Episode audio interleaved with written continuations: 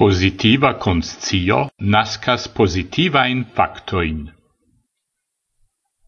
Kiel ni perceptas la mondon? Ciu gi estas bela por ni? Au ciu ni vidas en gi precipe la negativain traitoin?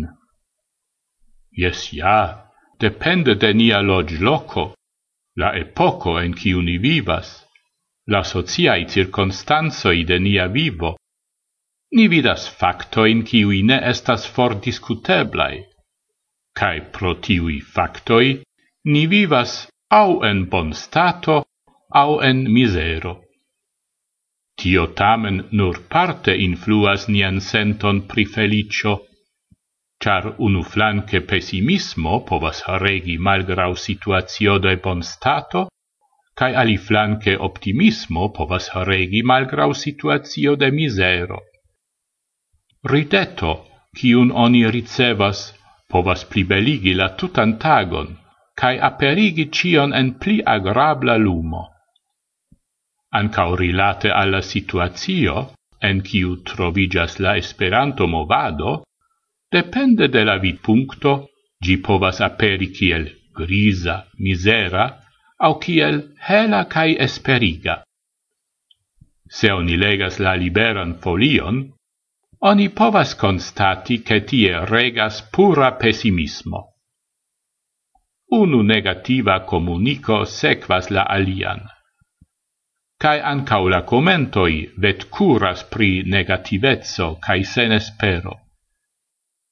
Ciutio vere respegulas la situazion de Esperanto?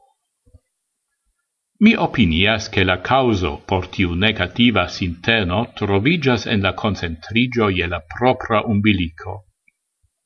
Se oni ciam nur parolas pri iui internai ocasagioi, tiam oni trovigas en negativa spiralo. Por escapi el tiu spiralo, necessas directi sian rigardon exteren, alla extera mondo.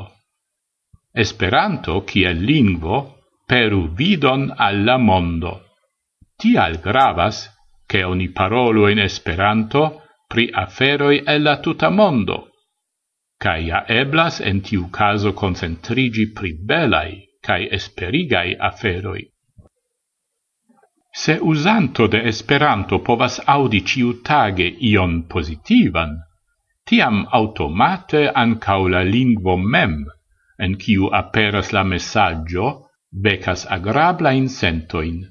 Esperanto tiel farigas por ciu unuopa amico de Esperanto, lingvo de espero.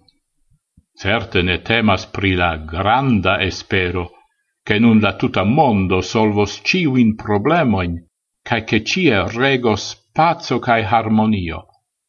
Sed ja la espero temas pri multai eblai malgrandai pascioi, kiui ni ciui ancau povas mem fari.